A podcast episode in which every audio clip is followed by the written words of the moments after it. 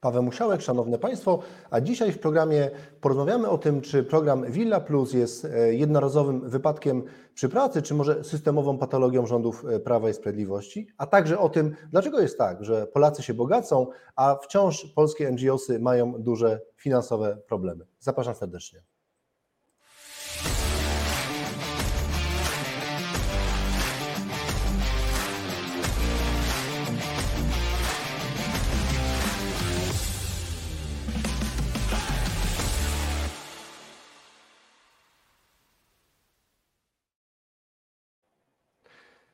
A moim Państwa gościem jest Katarzyna Sadło. Niektórzy kojarzą e, ją pod pseudonimem Kataryna, która, która ze sobą niezwykle aktywną na Twitterze i pewnie z wielu komentarzy politycznych można, e, można ją znać, ale dla tych, którzy funkcjonują w trzecim sektorze, e, dobrze jest osoba znana właśnie z aktywności w organizacjach pozarządowych, E,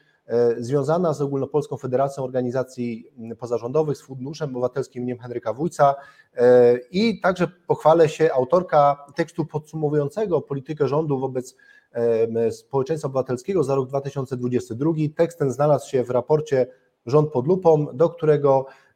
jak co tydzień w ostatnich programach Państwa bardzo serdecznie zachęcam do pobrania cały raport za darmo na stronach internetowych Klubu Jagiellońskiego. Witam serdecznie Pani Katarzyno. Dzień dobry. No nie sposób nie zacząć y, tej rozmowy od programu Willi Plus. Rzadko się zdarza, przyznam się szczerze, że jakiś temat y, związany z trzecim sektorem trafia na y, jedynki gazet i jest omawiany w ogólnopolskich mediach. E, więc ja bym chciał zapytać się od razu o Pani komentarz do tej sprawy. Co jest dla Pani najbardziej bulwersujące? Czy to jest tak, że to są te wysokie kwoty, czy to jest to, że eksperci oceniali te wnioski, które zostały zaakceptowane właśnie negatywnie, a później ta ocena została zmieniona? Czy może jest tak, że te organizacje, które się ubiegały o te kwoty, miały niewielkie doświadczenie? Co jest tak naprawdę e, czymś, co Panią najbardziej zbulwersowało w tej sprawie? To jest e, strasznie trudne pytanie, bo trudno mówić, co najbardziej zbulwersowało. Tutaj jest e, nieprawidłowości są na wielu różnych poziomach. Począwszy od tego, e, od tego, że edukacja, wiadomo, świata jest w wiecznym kryzysie, jest wiecznie niedoinwestowana, szkoła ma problemy i wydawać by się mogło, że minister edukacji narodowej, mając pieniądze, mając ekstra pieniądze do wydania, upewni się, że te pieniądze pójdą w te obszary, które aktualnie są najbardziej polskiej oświacie potrzebne. I można się było spodziewać, że w normalnym, w normalnym trybie w jakiś sposób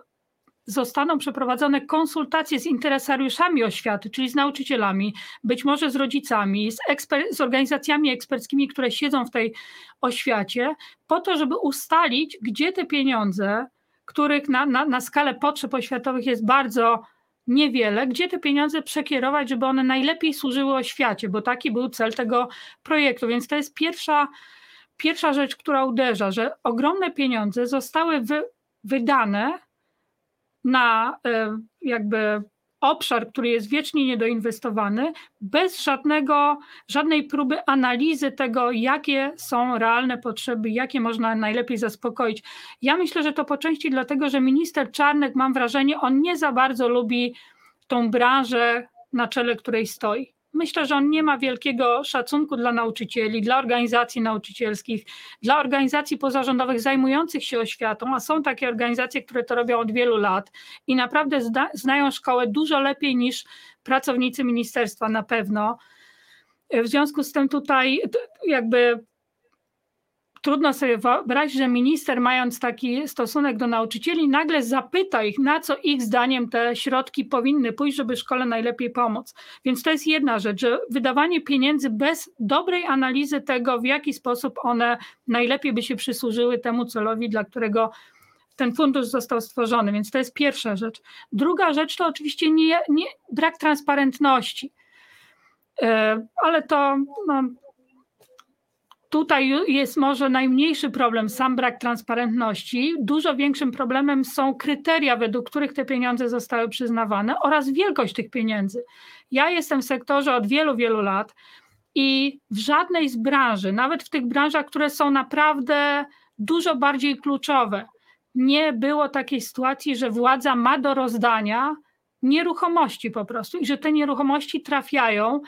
te nieruchomości są tak atrakcyjne, tak okazałe i że trafiają do organizacji, które nie mają częst, często żadnego doświadczenia, powstały dwa miesiące wcześniej, nie zajmują się, nie zajmują się bezpośrednio branżą. Więc to jest coś, co, co mnie szczególnie boli też z perspektywy, i tu już przechodzę troszkę do tego, co, co uważam za wielką stratę w ogóle krzywdę dla sektora pozarządowego, to stworzenie wrażenia, że sektor pozarządowy to jest po pierwsze, że on się bez takich okazałych willi nie obejdzie, więc trzeba im te wille podarować, że być może skoro tutaj jest raban, to znaczy, że poprzednio inne organizacje dostawały swoje nieruchomości i, i wille i już te wille mają i teraz zazdroszczą tym, którzy, e, którzy je teraz dostają, więc to jest taki ogólne to wszystko, co bardzo długofalowo zaszkodzi sektorowi pozarządowemu. Bo tutaj, i to jest kolejna rzecz, która, która mnie bardzo boli, bo nawet trudno mówić o oburzaniu, bo to oburzenie to oczywiście jest taka kategoria być może bardziej z polityki, ale, y, ale tutaj to, to, to, co mnie jako osobę pracującą na co dzień z organizacjami, także z organizacjami na przykład nauczycielskimi, przy wiejskich szkołach, gdzie to są to są pasjonaci ty, ty, tych szkół, którzy robią wszystko, żeby te luki w oświacie łatać i tak naprawdę do nich te pieniądze, oni nie zostali, zapy- nie zostali uwzględnieni w takim stopniu, w jakim na to zasługują, w tym ogromnym programie rozdawania pieniędzy. Ale to, co mnie też bardzo boli, to jest taka polityka, i to nie jest pierwszy przy- przykład tego, polityka dziel i rządź takie właśnie podzielenie, to co minister zrobił z trybuny sejmowej, podzielenie tych organizacji na lewackie, które nie dostaną i patriotyczne, które dostaną. Rzeczywistość nie jest taka, nie, nie ma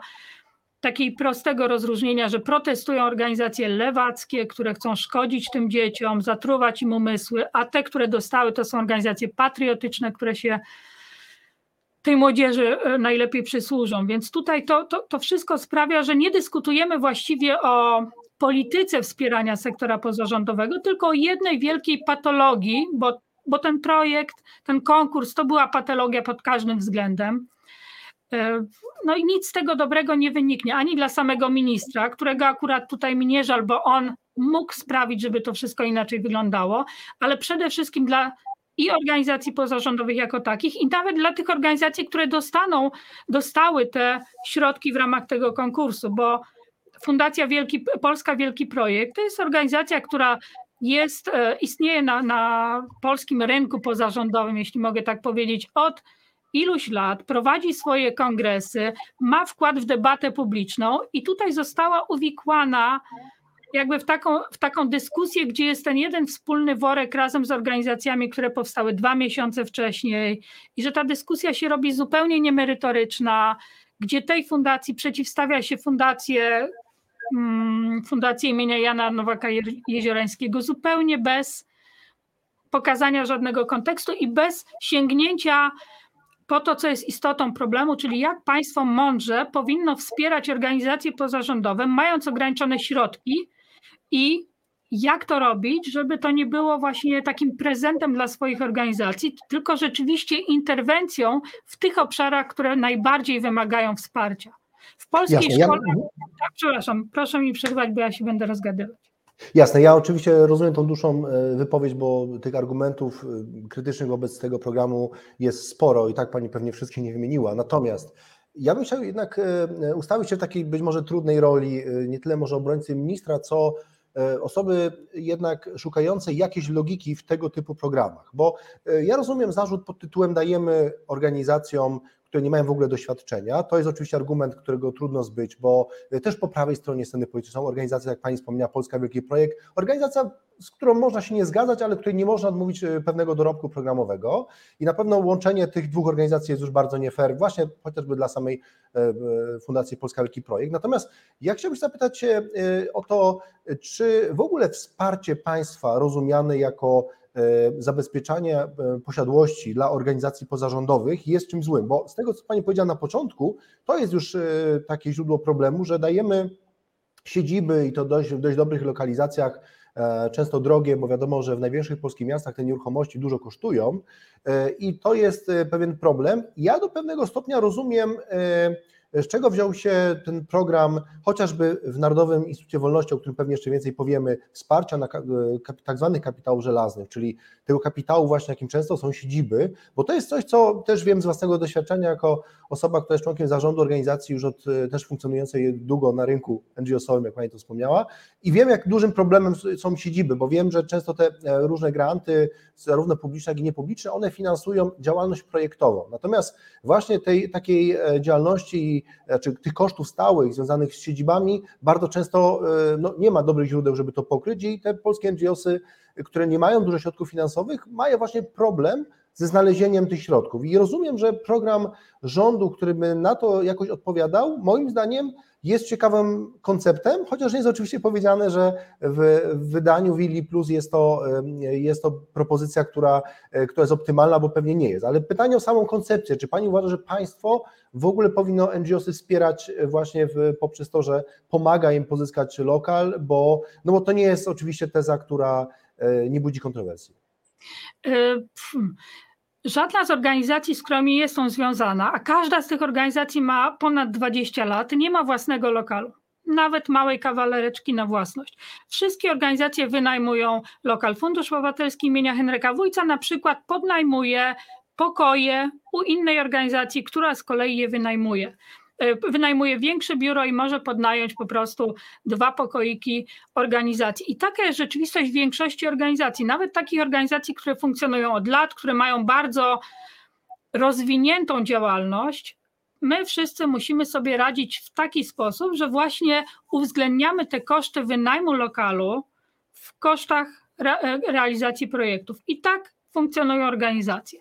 I teraz, jeśli by państwo miało wspierać organizacje i darowywać wszystkim organizacjom,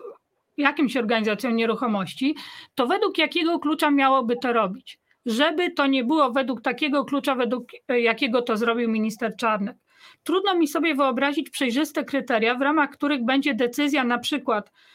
e, tej organizacji zafundujemy lokal, innej nie, jeśli one działają na przykład w zupełnie innych branżach, w zupełnie innych miastach, mają zupełnie inny charakter działania. Moim zdaniem sytuacja, w której organizacja, powiedzmy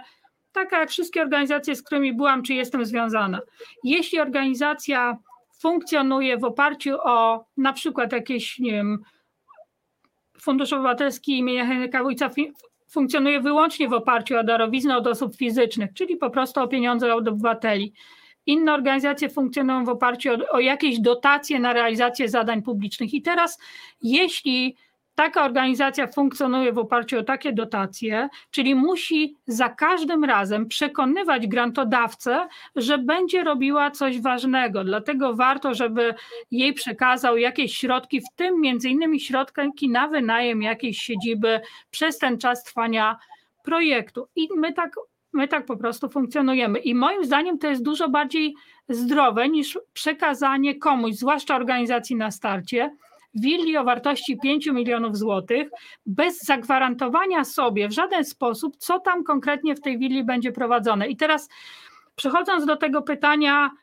czy państwo powinno, moim zdaniem są takie organizacje, w których nie miałabym żadnego problemu z tym, żeby państwo fundowało naprawdę nieruchomości na, najwy, na najwyższym jakby poziomie komfortu. To są na przykład hospicja, w tym hospicja perinatalne. To, co mnie też z wielu tutaj e, różnych rzeczy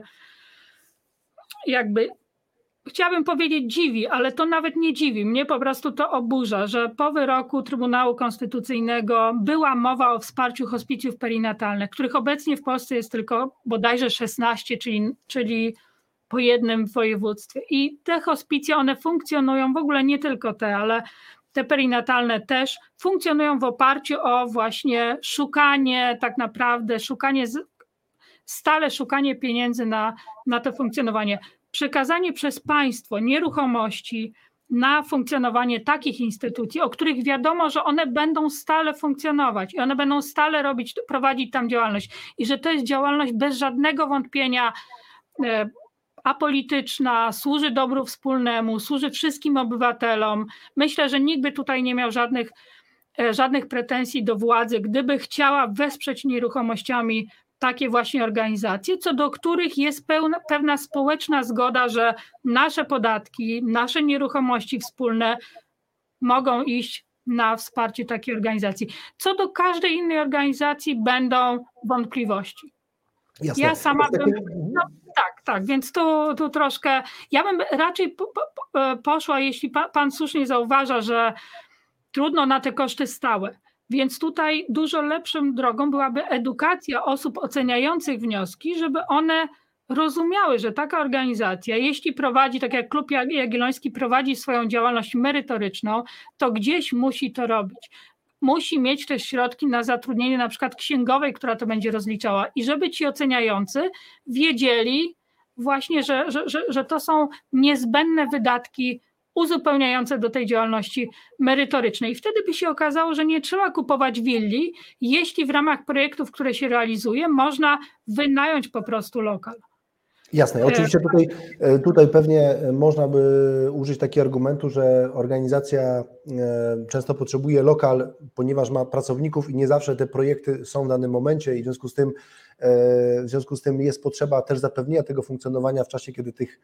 projektów nie ma, ale, ale co do zasady oczywiście ja się zgodzę, że gdyby chociażby projekty w większym stopniu uwzględniały e, te koszty stałe niż ma to dotychczas, to organizacje jakoś by sobie e, poradziły. Do tego jeszcze pewnie przejdziemy później, to znaczy do takiego systemowego wsparcia NGO-sów w Polsce, e, takiego e, dającego im gwarancję rozwoju, ale chciałbym jeszcze wrócić do, do Willi Plus, bo przy okazji tej dyskusji wokół tego programu pojawił się taki argument, który dość często pojawia się po prawej stronie sceny politycznej, czyli argument pod tytułem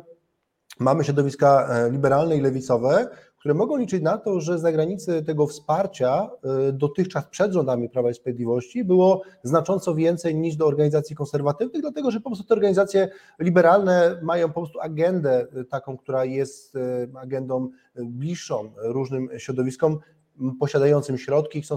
chcą, e, e, które się chcą tymi środkami dzielić. Oczywiście tutaj e, już mityczna jest postać George'a Sorosza, ale oczywiście nie jest to jedyna osoba, która wspiera, która wspiera różne organizacje pozarządowe w Polsce. Ja z mojego doświadczenia muszę powiedzieć, że nie jest to argument błahy, to znaczy znam wiele organizacji, które mają inny profil ideowy i jest im zna- znacznie łatwiej uzyskać faktycznie to dofinansowanie z zagranicy niż organizacjom konserwatywnym. I teraz chciałbym zapytać się Pani o to, Rozumiem, że program Villa Plus jest czymś, co nie może być alternatywą wobec, e, wobec tego finansowania zagranicznego, bo zgodziliśmy się, że on jakby rodzi dużo patologii. Ale ja mam pytanie, czy ma Pani jakiś inny, alternatywny sposób na to, jak rozwiązać ten problem, że mamy w Polsce organizację o różnym profilu ideowym i nawet jeżeli te, ten profil ideowy dotyczy tak naprawdę tylko bardzo niewielkiej części NGO-sów, bo reszta NGO-sów jest w ogóle apolityczna i w ogóle nie zajmuje się sprawami publicznymi w rozumieniu takich, takiej polityki, to, to, to mimo wszystko jednak ta pewna nierównowaga ideowa była bardzo wyraźna w czasie, kiedy e, e, rządziły środowiska liberalne. I czy tutaj e, jakiś sposób na to, jak systemowo tą równowagę zapewnić by Pani miała? Czy taką odpowiedzią e, byłaby chociażby ustawa, która była dyskutowana rok temu o zagranicznym finansowaniu, która miała wykazać, które organizacje są e, finansowane z zagranicy, nie zabraniała tego finansowania, podkreślmy, ale wymuszała jakby informowanie. Czy jakieś inne narzędzia by Pani e, tutaj zaproponowała, które by e, odpowiadały na ten dylemat? To jest e, trochę, ja, ja nie jestem pewna, jak to statystycznie wygląda, jeśli chodzi o na przykład proporcje organizacji, które można opatrzyć tą etykietą krzywdzącą jako bardziej liberalne i lewicowe, a drugą też krzywdzącą etykietą jako, jako prawicowe czy konserwatywne, bo być może jest też kwestia e, pewnych dys, dysproporcji na początku tworzenia sektora pozarządowego. Może tych organizacji konserwatywnych było mniej, ja tego nie wiem, tylko tak rzucam, bo mi dała do myślenia taka pani skądinąd e, kontrowersyjna radna PiSu, pani Jacyna Wit, która powiedziała, w którymś napisała na Twitterze, że organizacje e, konserwatywne nie powstawały, bo nie było pieniędzy na ich funkcjonowanie. Wydaje mi się, że to nie jest dobra diagnoza, ale też ciekawe by było na przykład e, zobaczenie, jak to się ma z tych organizacji, które można jakoś zdefiniować politycznie, powiedzmy, jakie są proporcje między nimi. I teraz, e, bo być może to jest, to jest część odpowiedzi na to pytanie, dlaczego więcej szło na te umowne, liberalne. Ale, e, ale tak, ja tak, tak jak pisałam w, w diagnozie, e, w diagnozie, bardzo doceniam doceniam docenienie przez rząd takich organizacji, które są solą troszkę takiej, tej ziemi, czyli na przykład koła gospodyń wiejskich, ochotnicze straże pożarne, czyli organizacje, które które są wszędzie, są w tych małych społecznościach, są często sercem takich małych społeczności, więc to jest bardzo, bardzo dobrze, że rząd to, rząd to wspiera. Jeśli chodzi o niektóre, niektóre zachodnie finansowanie, to czasami to jest tak, że e, nie wiem, e, które konkretnie, czy ma Pan na myśli jakieś konkretne źródła, czy. E, ja czy myślę, nie, no, ja myślę, że tak? podzielę się takim doświadczeniem, które wydaje jest świeże i, i, dość namacalne. Otóż od jakiegoś czasu Klub Jagielloński w tak zwanych zielonych tematach stara się być aktywny i wydaliśmy w tym temacie kilka raportów, wiele tekstów i e, mając nieco większą wiedzę na temat źródeł finansowania E, tych organizacji e, trzeciego sektora, które zajmują się tematyką klimatyczną, transformacją energetyczną, no tutaj tych środków zagranicznych jest naprawdę bardzo dużo, ale są środki oczywiście, które łatwo pozyskać e, komuś, kto jakby wspiera agendę Komisji Europejskiej. Niezależnie od tego, czy zgadzamy z tym, czy nie, nie mam nic przeciwko temu, żeby te organizacje zagraniczne finansowały tego typu aktywność również za granicą, no to osoby, które chciałyby szukać pieniędzy na to, jak finansować raporty, które pokazują jednak pewne problemy, które e, z tym modelem Komisji Europejskiej, który Komisja proponuje, e, się wiążą, no to tych pieniędzy już tak łatwo nie znajdą. Więc jakby tutaj ja e, no. przy, przy, przy uznaniu jednak wielu patologii tego, co się dzieje, jednak pewną nierównowagę w wielu tematach widzę. Oczywiście są tematy, które, gdzie te pieniądze znaleźć łatwiej, są tematy, gdzie znaleźć trudniej, Natomiast przyznam się szczerze, że mm, pytanie, które do Państwa skierowałem, jest pytaniem, które mi się nasunęło po rozmowie z jednym z polityków PiSu, który owszem przyznał się w prywatnej rozmowie, no, że to, co zrobił minister Czarnek jest dość grube, mówiąc językiem potocznym. Natomiast powiedział mi Paweł, ale w takim razie jak Ty byś zaproponował, jak Klub Jagielloński by zaproponował rozwiązanie, które miałoby odpowiedzieć na problem, dlaczego zagraniczne NGOsy mają e, w Polsce łatwiej, te, które są polityczne, te, które wspierają praworządność, one mają dzisiaj bardzo bogate dotacje z zagranicy, e, natomiast po prostu polskie organizacje konserwatywne na różną działalność korową po prostu tych pieniędzy e, nie znajdą. I, i, I być może robimy to źle, to co robimy, ale w takim razie powiedz mi, jak zrobić to lepiej. Ja przynajmniej się szczerze, nie miałem gotowej odpowiedzi. Ja też nie mam odpowiedzi oczywiście, bo to strasznie, strasznie jest trudny temat. Z jednej strony wiadomo, że niektóre tematy są bardziej na czasie i są łatwiejsze po prostu do sfinansowania niż inne. Niektóre tematy łatwiej jest sfinansować z pieniędzy właśnie zagranicznych, czyli ta transformacja. Wiadomo, że dużo łatwiej będzie sfinansować takie, te, takie działania niż, niż inne, więc ja tutaj nie mam takiego, e, nie chcę tutaj udawać, że znam ten, e, ten sektor zielony, że tak powiem, na tyle, żeby, żeby, żeby tutaj się jakoś wypowiadać, ale, e, ale rzeczywiście tutaj myślę, że, że jakieś mądre skierowanie środków na samą debatę, na samą debatę o tych tematach, nawet polskich środków rządowych, na przykład niedawno Fundacja Stocznia prowadziła taką e, bardzo nowatorski, nowatorską debatę na temat y, kosztów cen energii, kosztów energii, gdzie zaprosiła wybrane losowo osoby z całej Polski, które się zjechały do Warszawy i w takim procesie partycypacyjnym, to była taka narada obywatelska, wypracowywały rozwiązania. I teraz tutaj niezależnie od tego, jakie rozwiązanie ostatecznie powstanie, to ten projekt samej debaty o tym nie jest ani prawicowy, ani lewicowy. On jest on jest po prostu partycypacyjny, demokratyczny, natomiast wynik tej debaty może być różny i to zależy od uczestników, więc być może jakiś mądry pomysł na finansowanie niekoniecznie określonego rezultatu takiej deba- e, takiego czegoś, czyli niekoniecznie e, finansowania jakiegoś określonego produktu, czy tylko dochodzenia do tego, do, do, zgody na jakiś temat. Ale ja tutaj się nie czuję, nie czuję mocno w tych tematach zielonych. Natomiast jeśli chodzi o to finansowanie z zagranicy, myślę, że to e, niewiele osób by miało problem z tym, żeby mówić, że, że, że są wspierane z zagranicy. Tutaj ten istota tego projektu, który była e, wcześniej przez, złożona przez Solidarną Polskę i który najwyraźniej nie zyskał poparcia nawet w, e, w rządzie, polegała raczej na, znaczy ten sprzeciw wobec tego polegał raczej na zmuszaniu organizacji do takiego oznakowania się, które samo w sobie miało podważać zaufanie do tego, co ta organizacja robi, to po pierwsze, czyli do tego, że na ileś tam, na jakąś część strony internetowej miała być plansza, gdzieś tam na, na materiałach miała być plansza, czyli coś na wzór tych rosyjskich przepisów, takich właśnie, że organizacja jest agentem zagranicznym, więc to budziło opór, czyli takie zmuszenie organizacji do, do, do takiego oznakowania się, nawet tych organizacji, które jasno mówią o tym, jak są finansowane. Więc e, ja sama nie miałabym problemu z tym, z tym, żeby organizacje mówiły i organizacje mają już dzisiaj taki obowiązek, żeby, żeby mówić z, z jakich środków są finansowane, jeśli to są darowizny przekraczające pewną wysokość. I mam wrażenie, że znowu odpłynęłam trochę od tematu. Katarzyna, ja bym chciał dopytać w takim razie o wątek jeszcze tego finansowania zagranicznego. Czy, czy Pani w ogóle widzi problem w tym, że, e, bo poza tym, że mamy oczywiście pewne zagraniczne NGOsy czy e, źródła grantowe, które mają określoną agendę i na tą agendę przeznaczają środki do różnych krajów, to jest jakby jedna strona medalu. E, I tu faktycznie jest tak, że niektóre tematy są bliżej e, tych środowisk lewicowo-liberalnych, inne tematy są bliżej środowisk prawicowych, na te tematy pewnie nie ma, nie ma pieniędzy i to jest jakby źródło problemu, ale jest też druga nóżka, o której e, często właśnie politycy Solidarnej Polski mówią, czyli to, że mamy chociażby fundacje polityczne, fundacje polityczne w rozumieniu takim dosłownym, czyli fundacje, które są wprost instytucjonalnie powiązane z poszczególnymi e, partiami politycznymi. Taką formę fundacji politycznych mają Niemcy, które e, z pieniędzy podatników finansują e, te fundacje polityczne i te fundacje prowadzą działalność zagraniczną wprost oczywiście zgodną z interesem poszczególnych partii. No i tutaj pojawia się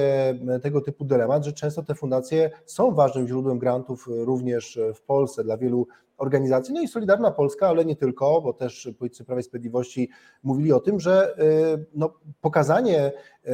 tego, że, mm, że dana organizacja jest finansowana właśnie z takiej fundacji, to, to, jest, to jest jakby rzecz konieczna, ale poza samym finansowaniem jest także no, ważne pytanie, czy w ogóle tak być powinno i czy coś y, z tym powinniśmy zrobić, no bo jest rzeczą oczywistą, że to jest jakiś wpływ konkretnej politycznej partii, jeżeli to jest partia rządowa, no to to jest wręcz e, też wpływ po prostu obcego rządu na,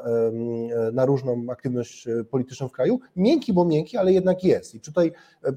Pani widzi jakąś konieczność regulacji tych kwestii, czy uważa Pani, że, że trudno, jeżeli politycy prawicy mają z tym problem, to sami powinni w takim razie nawiązywać relacje z odpowiednimi fundacjami prawicowymi i w ten sposób się powinno tworzyć tą równowagę? Y, jeśli chodzi o finansowanie, to wydaje mi się, że większość tych grantobiorców polskich o tym mówi, że są finansowani z tych, z tych fundacji niemieckich, dlatego że zazwyczaj grantodawca wymaga tego, żeby była informacja we wszystkich materiałach, że to jest finansowane właśnie z tego źródła, więc wydaje mi się, że tu nie ma takiego wielkiego problemu, żeby żeby tę informację znaleźć, bo te organizacje same o tym mówią. Być może nie mówią o tym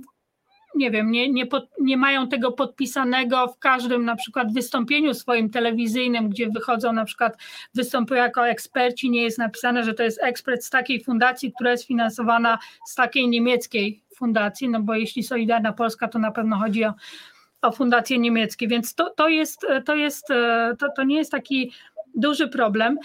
Ja osobiście nie mam też nic przeciwko temu, żeby wprowadzić regulacje, być może nawet obniżyć, bo obecnie jest tak, że jeśli organizacja jakakolwiek dostaje z jakiegokolwiek podmiotu prawnego, czyli od firmy na przykład, darowiznę w wysokości przekraczającej 15 tysięcy złotych, jednorazowa darowizna, lub w ciągu roku przekraczającą sumę darowizn 35 tysięcy złotych, to musi o tym, musi tą informację podać do publicznej wiadomości i poinformować o tym, że takie pieniądze dostała. Mało która organizacja ten obowiązek, mam wrażenie, spełnia. Natomiast być może wprowadzenie takiego wymogu, żeby na stronie internetowej organizacja musiała informować oczywiście o tym, żeby musiała wymieniać wszystkich swoich instytucjonalnych grantodawców, myślę, że to e, gdyby to było tylko po prostu wymóg przekazywania takiej informacji w taki sposób, w jaki organizacja uważa za stosowny, czyli w takim miejscu na stronie, który, w którym normalnie przekazuje swoje informacje, bez wymogu i bez tej otoczki takiej sugerującej, że tu jest jakaś patologia, że jakaś na przykład debata jest finansowana przez przez jakąś niemiecką polityczną fundację, bo teraz tak naprawdę czy te pieniądze, które minister Czarnek dał organizacjom, niektórym z tych organizacji, czy to wsparcie ze strony ministra Czarnka jest bardziej polityczne, czy mniej niż wsparcie ze strony jakiejś niemieckiej fundacji? Myślę, że tutaj tak samo mówimy w tym przypadku o po prostu pieniądzach przekazywanych przez polityka, które mają realizować jego polityczną agendę. W większości mhm. przypadków były na liście też oczywiście organizacje, które dostały dużo mniej i nie, nie, nie mają tej jakby tej, tej politycznej jakby e, swojej twarzy, tylko rzeczywiście zajmują się oświatą. Więc tutaj to nie być może jakieś warto dyskutować o tym, jak ograniczyć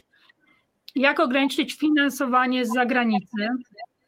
e, ale to by trzeba było dyskutować rzeczywiście w oparciu o rzetelną analizę tego, gdzie jest realne zagrożenie dla państwa, a nie gdzie jest realne zagrożenie na przykład dla tego czy innego polityka, który się dopatruje czegoś, czego w tym finansowaniu być może wcale,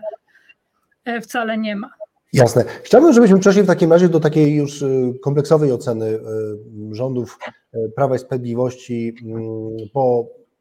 ten program Villa Plus jest oczywiście tematem bieżącym, natomiast no, on nie wyczerpuje przecież całej polityki rządu na przestrzeni ostatnich no, już prawie 8 lat. Więc ja bym chciał e, zapytać Panią przede wszystkim o nową instytucję, która powstała za czasów PiSu, Narodowy Instytut Wolności, Centrum Rozwoju Społeczeństwa Obywatelskiego, bo tak się ta instytucja nazywa, miała być w zamyśle takim właśnie centrum e, rozdawania e, środków dla poszczególnych NGO-sów. Powstały w ramach NIW takie stałe programy, które wspierają poszczególne rodzaje NGO-sów, po to, żeby nie wrzucać wszystkich do jednego worka. NIW został zasilony dość dużymi pieniędzmi i chciałbym zapytać się, czy z tej perspektywy już siedmiu lat można y, jasno zobaczyć, jakie są y, blaski i cienie tego, tej największej reformy y,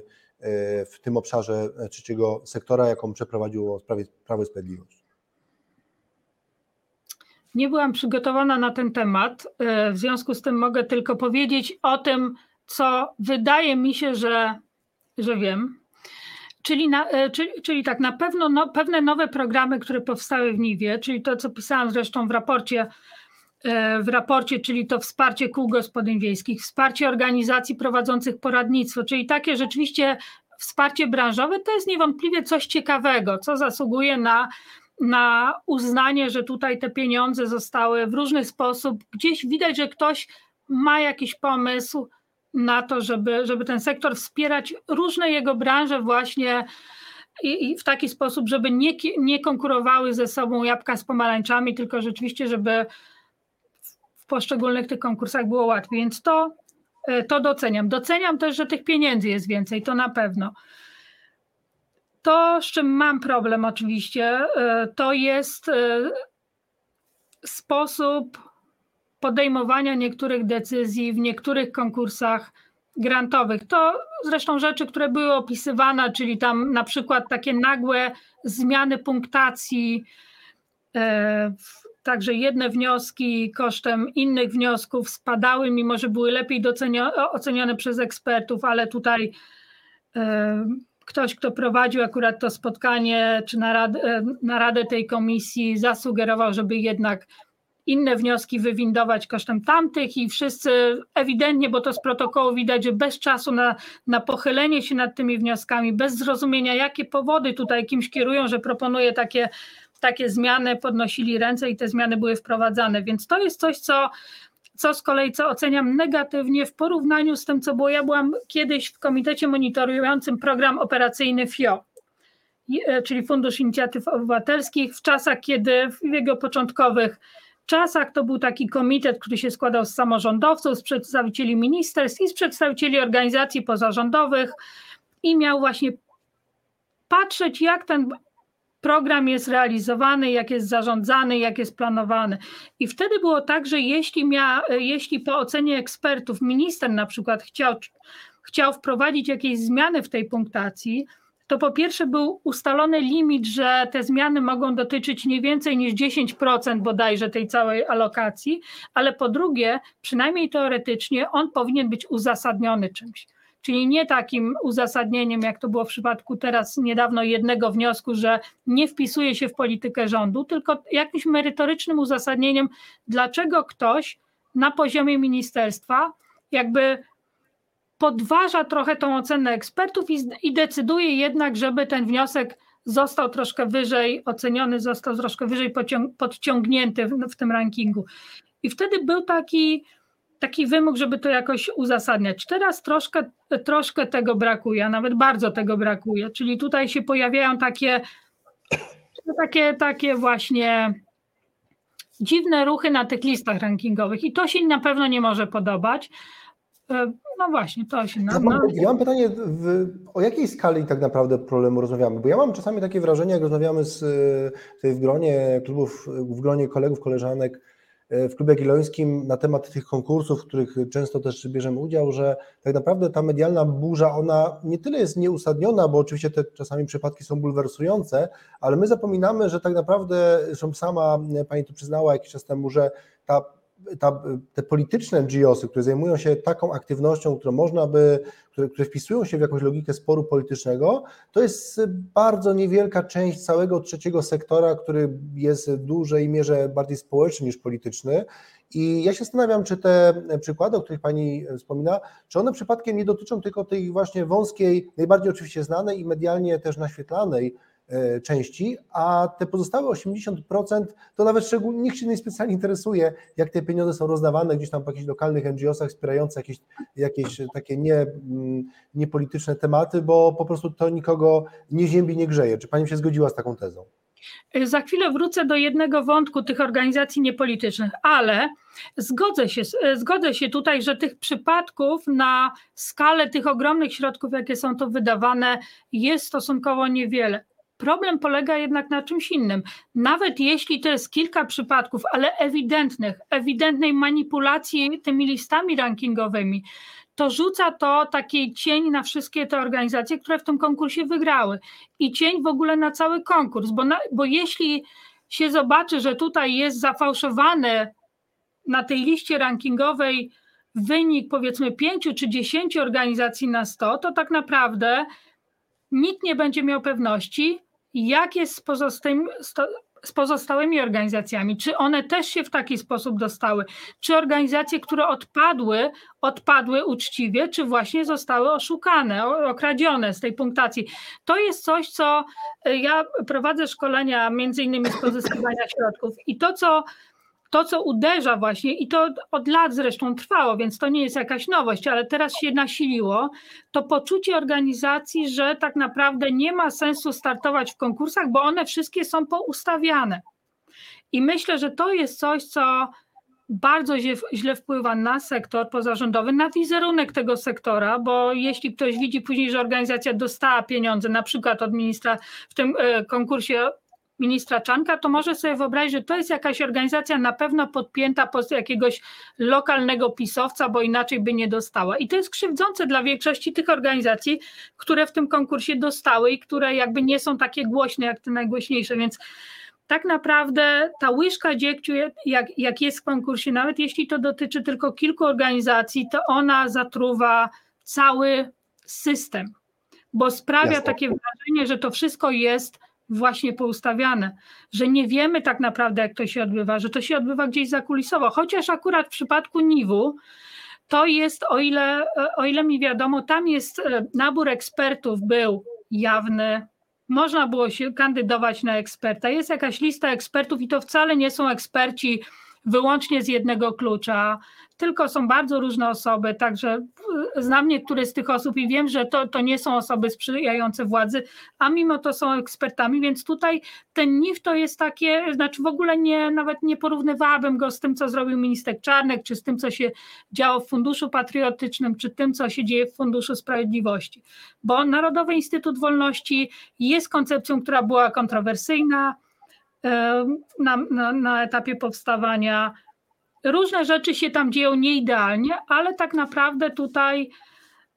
no, nie jest to jakieś siedlisko, z pewnością trudno powiedzieć, że to jest jakieś siedlisko patologii i tam się dzieją złe rzeczy, bo wspierane są bardzo różne działania, bardzo różne branże. Często docenione są właśnie te grupy organizacji, które wcześniej nie były tak bardzo zauważane.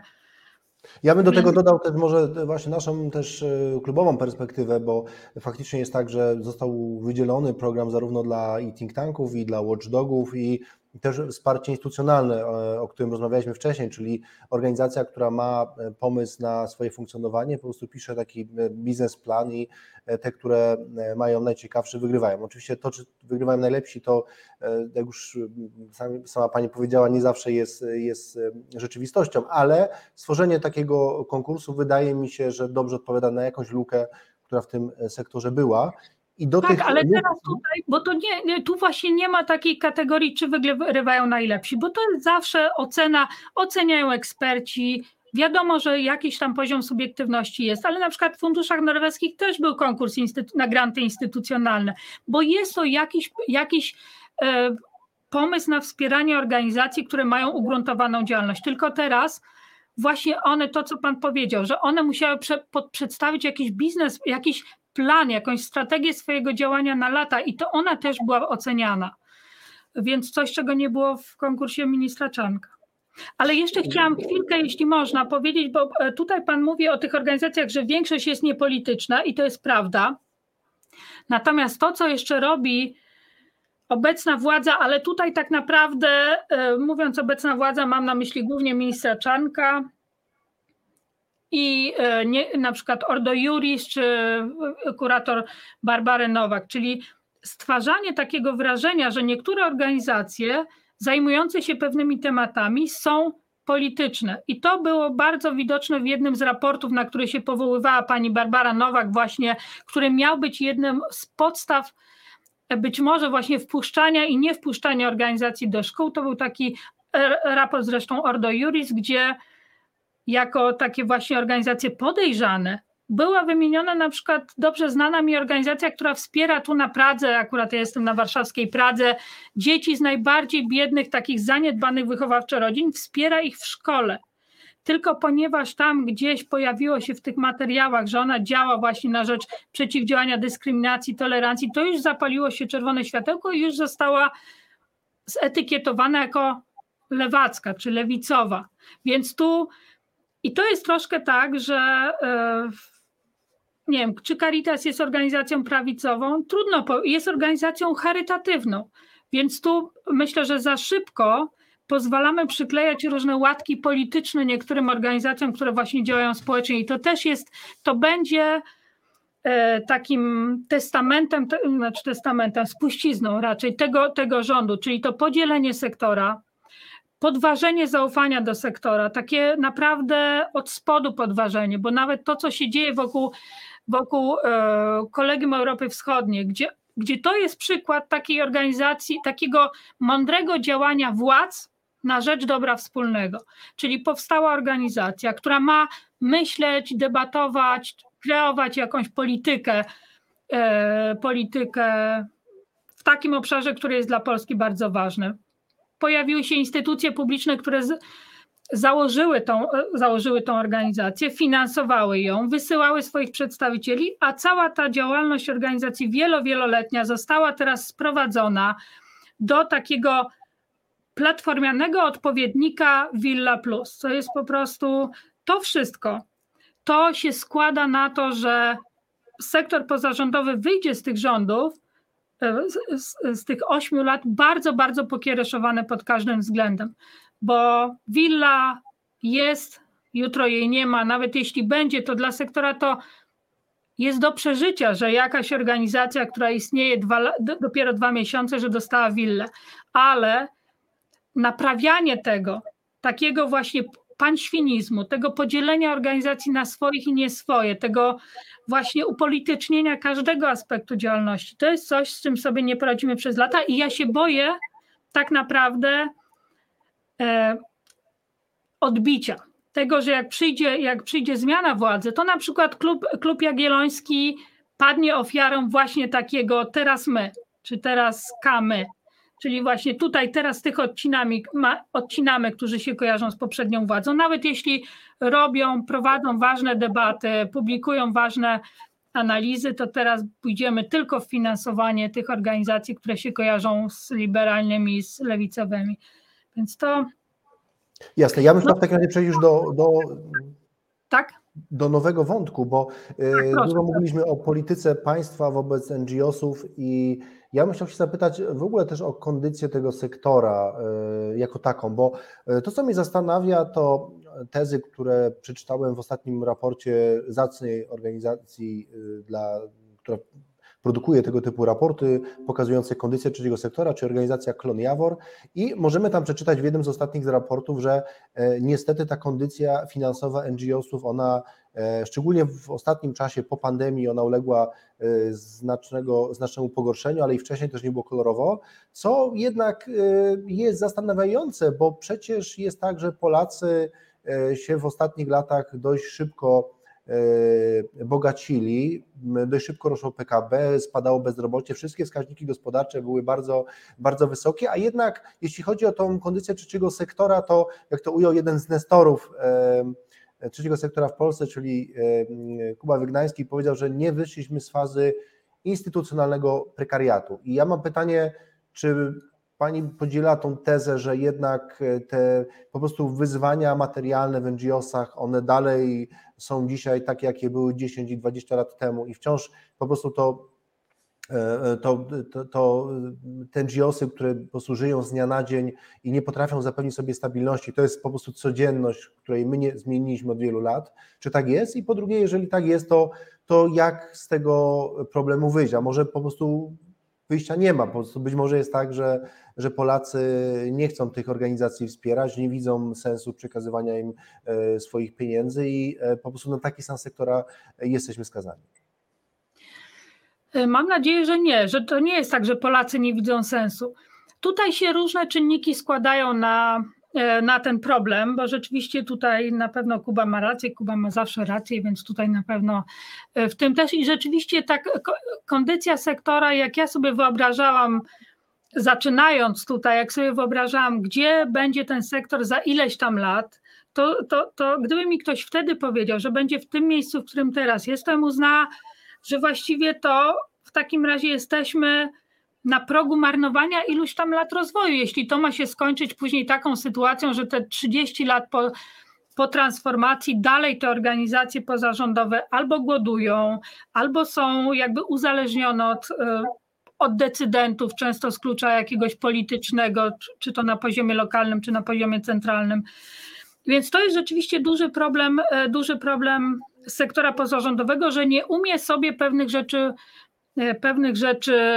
jakby uporządkować, e, nawet organi- ale to myślę, że to ma wiele różnych powodów. Czasami organizacji łatwiej jest na przykład napisać wniosek o dofinansowanie do samorządu, czy do NIW, czy do jakiegoś innego grantodawcy, niż skutecznie zorganizować kampanię zachęcania swoich potencjalnych sympatyków do tego, żeby to oni przyjęli na siebie część finansowania. Ja na przykład na swoich szkoleniach Was podaję jako taki dobry przykład tego, jak się komunikować z, z, z tą najważniejszą dla nas grupą docelową, czyli z tymi osobami, dla których piszemy te teksty, z tymi osobami, które są uczestnikami naszych projektów. I wy to robicie, uważam, bardzo, bardzo dobrze, ale jednocześnie to jest ogromna rzadkość, że jak ja to pokazuję, to to, to, to, organizacje są zdziwione, że właśnie jak, że, że tutaj tu pokazywać na co, w jaki sposób, że, że w ogóle po co tyle wysiłku marnować w komunikowanie z tymi zwykłymi ludźmi, którzy mają tam się dorzucić 10 zł czy 20, że dużo łatwiej jest komuś usiąść i napisać wniosek o dofinansowanie. I to jest jeden z grzechów, który tutaj, e, tutaj jest, i to jest grzech, który ma bardzo poważne skutki, bo jeśli to jest tak, że moim jakby klientem, powiedzmy, adresatem mojej oferty będzie grantodawca, czyli na przykład samorząd, jakieś ministerstwo, czy nie wiem, jakaś firma, a nie ta osoba, która będzie korzystała z moich, z moich działań, no to po pierwsze to już jest niedobrze, bo to się odwraca trochę ta, ta władza nad organizacją, że ta organizacja w, w złą stronę patrzy po, po, po wsparcie, no, staje, się, że... staje się no, organizacją de facto nieco rządową, a nie pozarządową. To znaczy, tak, jest takim klientem właśnie nie swoich, nie swoich beneficjentów, tylko, e, tylko tych, którzy dają pieniądze. I to się przekłada później na to też, że, że nie ma jakby motywacji, żeby robić rzetelną ewaluację tego, co robię, e, e, rzetelną ocenę, czy to jest potrzebne tym ludziom, dla których to robię, bo tak naprawdę nie zależy mi, żeby wyszły jakieś wady, na przykład, że ja powinnam coś poprawić, bo jak to będzie wyglądało w tym na przykład wniosku czy w sprawozdaniu z realizacji zadania. Więc to takie przełożenie tego, te, te, tego jakby tej władzy nad, nad organizacją właśnie, że to nie jest... Ale Pani Katarzyna, ja mam pytanie odnośnie tej komunikacji, bo mówi Pani, bardzo dziękuję za miłe słowa w stronę Klubu Jagiellońskiego. Ja chciałem powiedzieć, że e, pewnie w tej komunikacji dałoby się jeszcze coś, e, pewnie, czy wiele rzeczy pewnie dałoby się poprawić dużo lepiej, co pozwoliłoby nam też mieć mocniejsze postawy finansowe, ale jednak mamy też w naszym środowisku taką diagnozę, że o te pieniądze crowdfundingowe, które są jakby idealne, dlatego że dokładnie płacą nam ci, którzy też są odbiorcami naszych treści, e, jakby nie jest łatwo. I nie jest łatwo e, z tego powodu, że e, te organizacje, które nie chcą bazować na emocjach, i to niekoniecznie złych emocjach, bo, bo też można bazować na pozytywnych, które mają pewną specyfikę działania, która jest nieemocjonalna, im jest dość trudno. Jest takie powiedzenie, nie wiem, czy Pani się z nią spotkała, że w Polsce łatwo to się zbiera pieniądze, ale na trzy cele. Głodne dzieci, biedne dzieci, chore dzieci. I oczywiście wszystkie... No i na zwierzęta. Y, tak, i na zwierzęta. I wszystkie oczywiście te cele są jak najbardziej warte, warte wsparcia i, i, i, i broń Boże, nie chciałbym sugerować, żeby na te cele tych pieniędzy nie przeznaczać. Natomiast zdecydowanie organizacje, które tym się zajmują, im jest łatwiej pozyskiwać pieniądze niż na przykład think tankom, które wykonują pracę y, taką, która też jest w odbiorze po prostu społecznym y, trudna. I, i pytanie jest, jak nie wpaść w tą pułapkę zależności od, od państwa i jak pobudzać tą kulturę wsparcia, E, w sytuacji, w której, no właśnie, PKB rośnie, płace rosną, a jeśli chodzi o procent naszych wydatków e, domowych na e, trzeci sektor, ja nie mam takiego poczucia, żeby to rosło proporcjonalnie. Czy ma Pan takie poczucie, że, że ten trzeci sektor dla wielu Polaków, on się wydaje jakoś mało, mało istotny, że Polacy nie widzą w tym sektorze jakiejś wartości, a być może problem nie jest w Polakach, problem jest w trzecim sektorze, że nie ma że, że poza tymi błędami komunikacyjnymi być może nie, nie ma jakiejś ciekawej oferty, nie realizuje jakichś potrzeb ludzi, które są dla nich istotne. Bo tutaj jest kilka czynników. Po pierwsze, 1%, czy w tym roku 1,5%, trochę e, jakby jest takim usprawiedliwieniem, żeby się nie angażować. Zdejmuje odpowiedzialność. Tak, tak. Jeśli ja przekazuję co rok ten półtora, w tym roku półtora procenta moich podatków, no to ja już jestem taka dobra, że, że właściwie mogę przez resztę roku napawać się swoim, swoją wielkodusznością, plus jeszcze oczywiście w styczniu, jeśli jest Wielka Orkiestra Świątecznej Pomocy, to drugi raz daje, więc to jest już w ogóle e, w tym, więc nie ma takiej, znaczy jest to to właśnie łatwe usprawiedliwienie do niedawania. To jest pierwsza rzecz. Druga rzecz to jest taka, że są rzeczywiście tematy trudniejsze. No, wy zajmujecie się tematem, który jest na pewno trudniejszy niż to, co robi na przykład hospicjum perinatalne, czy jakaś inna organizacja zajmująca się dziećmi, czy nawet zwierzętami. Natomiast, więc to, to, to jest pewna taka świadomość, że, że, że to jest elitarna troszkę działalność. To jest trochę tak, że tak jak nie wszystkie osoby które chętnie słuchały jakiegoś podcastu, teraz wykupią na przykład miesięczny abonament, żeby nadal go słuchać. Że pewna, pewna część tych słuchaczy będzie gotowa zapłacić, a pewna odpadnie w momencie, kiedy trzeba za to płacić. I to jest, to jest jakaś tam natura, e, natura człowieka, że najchętniej by nie płacił, nie płacił za to, nie płacił za treści do czytania, zwłaszcza jeśli ma świadomość, że ktoś i tak ten te, te analizy przeprowadzi. Więc tutaj nie ma, nie ma dobrego wyjścia, ale w wielu przypadkach, to nie w waszym przypadku akurat, bo tak jak mówię, wy e, bardzo dobrze myślę to komunikujecie, ale w większości przypadków organizacje nie robią tego niezbędnego pierwszego kroku, czyli nie mówią o swoich potrzebach. To jest, e, to jest zupełna rzadkość, żeby organizacja nawet na swojej stronie dobrze wyeksponowała nie tylko taki komunikat wesprzyj nas i tyle, i numer konta bankowego, tylko zrobienie tego, to, co wy, tego, co wy robicie, czyli pokazanie na co potrzebujemy, ile miesięcznie potrzebujemy, dlaczego właśnie to jest takie ważne, żebyście wy nas wspierali, wy obywatele,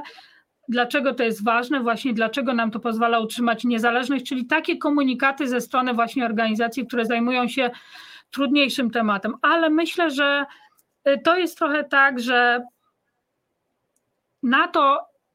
być może jeszcze nie ma rynku, takiego właśnie rynku, tych, tych odbiorców takich działań na tyle silnego, żeby był w stanie sfinansować y, wyłącznie z crowdfundingu. Myślę, że to może być taki po prostu taki, taki czas, kiedy ten crowdfunding tak naprawdę startuje. Dopiero ludzie dopiero zaczynają przyzwyczajać się do tego, że czasami się z góry płaci za treści, które kiedyś ktoś dla mnie przygotuje, ale musi mieć za co to przygotowywać. Więc myślę, że to może być, ale jakieś myślałam, że takim niszowym tematem jest na przykład dostęp do informacji publicznej, czyli to, co robi sieć obywatelska Watchdog Polska, na przykład promocja te, tego tematu. I oni fantastycznie z tematu, który się wydawał niszowy, oni są w stanie właśnie między innymi komunikując to skutecznie, są w stanie zachęcać do wspierania właśnie takiego celu, które na pierwszy rzut oka w ogóle nie, nie da się porównać właśnie z tym, na co najchętniej dajemy. Więc tu, ja mam, tu w takim razie troszkę, troszkę tak? ponawykaliśmy teraz na ten trzeci sektor i moje ostatnie pytanie zawsze jest pytanie optymizm, czyli o udaną reformę, coś co się w Polsce udało, a a niekoniecznie Polacy o tym wiedzą. E, mówiła już Pani co prawda o tym, że w tych ostatnich latach PiS e, przeznaczył e, środki na te organizacje, które w ogóle nie były wcześniej dostrzegalne. To nie chodzi o organizacje tylko i wyłącznie związane z PiSem, ale właśnie te koła gospodyń wiejskich, organizacje takie jak OSP. Chciałbym do Pani zapytać poza tym, czy coś takiego pozytywnego w tym sektorze się zadziało, to może być, to może być reforma, czy jakaś decyzja tego rządu, może być w ogóle poprzednich rządów. Jeżeli Pani uważa, że coś e, warto Polakom e, przypomnieć, podkreślić, e, co miało pozytywny wydźwięk, a co nawet nie było czymś spektakularnym, to teraz jest na to sposób. Zasada jest też taka, że nie musi to być w ogóle też reforma dotycząca tematu, o którym my rozmawiamy. Także proszę wybrać dowolny, dowolny temat, dowolną reformę budującą optymizm. Zasada jest tylko taka, że nie może być to program 500 plus jako taka naczelna. Ale w ogóle czy tylko z tej branży pozarządowej? Może być jak najbardziej w ogóle, może być też może być branża pozarządowa, pani wybór. Ojeju. To ja może podam taki, e, taki przykład, który trudno nazwać reformą, ale to była swego czasu taka, ja myślałam, że to w tym kierunku będzie szło i że to warto popularyzować. E, swego czasu Ministerstwo Sportu, i to nie pamiętam, czy to za obecnego już, e, za obecnego rządu, czy jeszcze za poprzedniego, e, przyznając pieniądze na turysty, dla organizacji pozarządowych w kategorii turystyka, uznało, że i to zupełnie przez nikogo nie naciskane chyba, zaprosiło OFOP,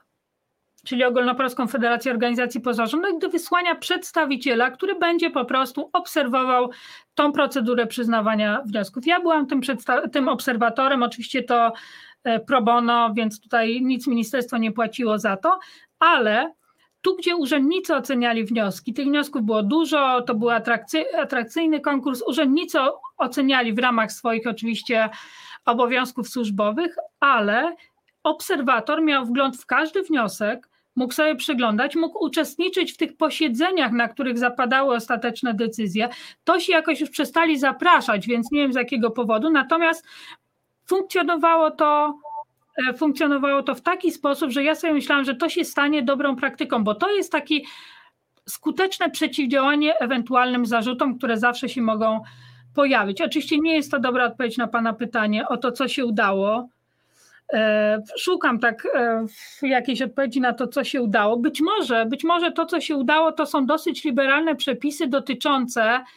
e, właśnie pozyskiwania środków z różnych źródeł pozagrantowych, czyli na przykład zbiórki publiczne, crowdfunding w internecie, charytatywne loterie fantowe, moja ulubiona forma pozyskiwania. Tu, gdzie państwo akurat bardzo dużo organizacjom zostawiło do zagospodarowania. Inna sprawa, że organizacje nie zawsze umieją to zagospodarować, e, nie zawsze chcą szukać właśnie takich, takich źródeł, ale tak naprawdę bardzo, e, być może nawet łatwiej niż w wielu innych krajach mamy, na przykład z tą charytatywną loterią fantomą, która jest atrakcyjną formą, czy z e, nieopodatkowanymi zbiórkami publicznymi, czy z rzutkami internetowymi. Więc to, to, to jest coś, co, co bym powiedziała, być może to nie jest jakaś tam reforma, ale jest to coś, co państwo zostawiło organizacjom do e, zagospodarowania i gdyby organizacje to robiły mądrze i rzeczywiście chciały włożyć wysiłek w, w nauczenie się tych nowych form relacji z potencjalnym darczyńcą, czyli z tym czytelnikiem mojej nie wiem, gazety, z uczestnikiem moich programów, to być może byłyby w dużo lepszym miejscu niż, niż właśnie teraz w kolejce trochę do decydentów, którzy w jakichś różnych konkursach w czasami nieprzejrzysty sposób decydują o tym, kogo wesprzeć. Twórzmy w takim razie takie warunki, aby NGOsy nie były zależne od państwa, ale żeby potrafiły wykorzystać e, własne zasoby do tego, aby się rozwijały. E, dziękuję za tą nutkę optymizmu. Moim Państwa gościem była Katarzyna Sadło. Dziękuję bardzo za udział w programie, a Państwa oczywiście zachęcam do oglądania e, odcinków kolejnych. Następny już za tydzień. Dziękuję bardzo. Dziękuję bardzo. Do widzenia.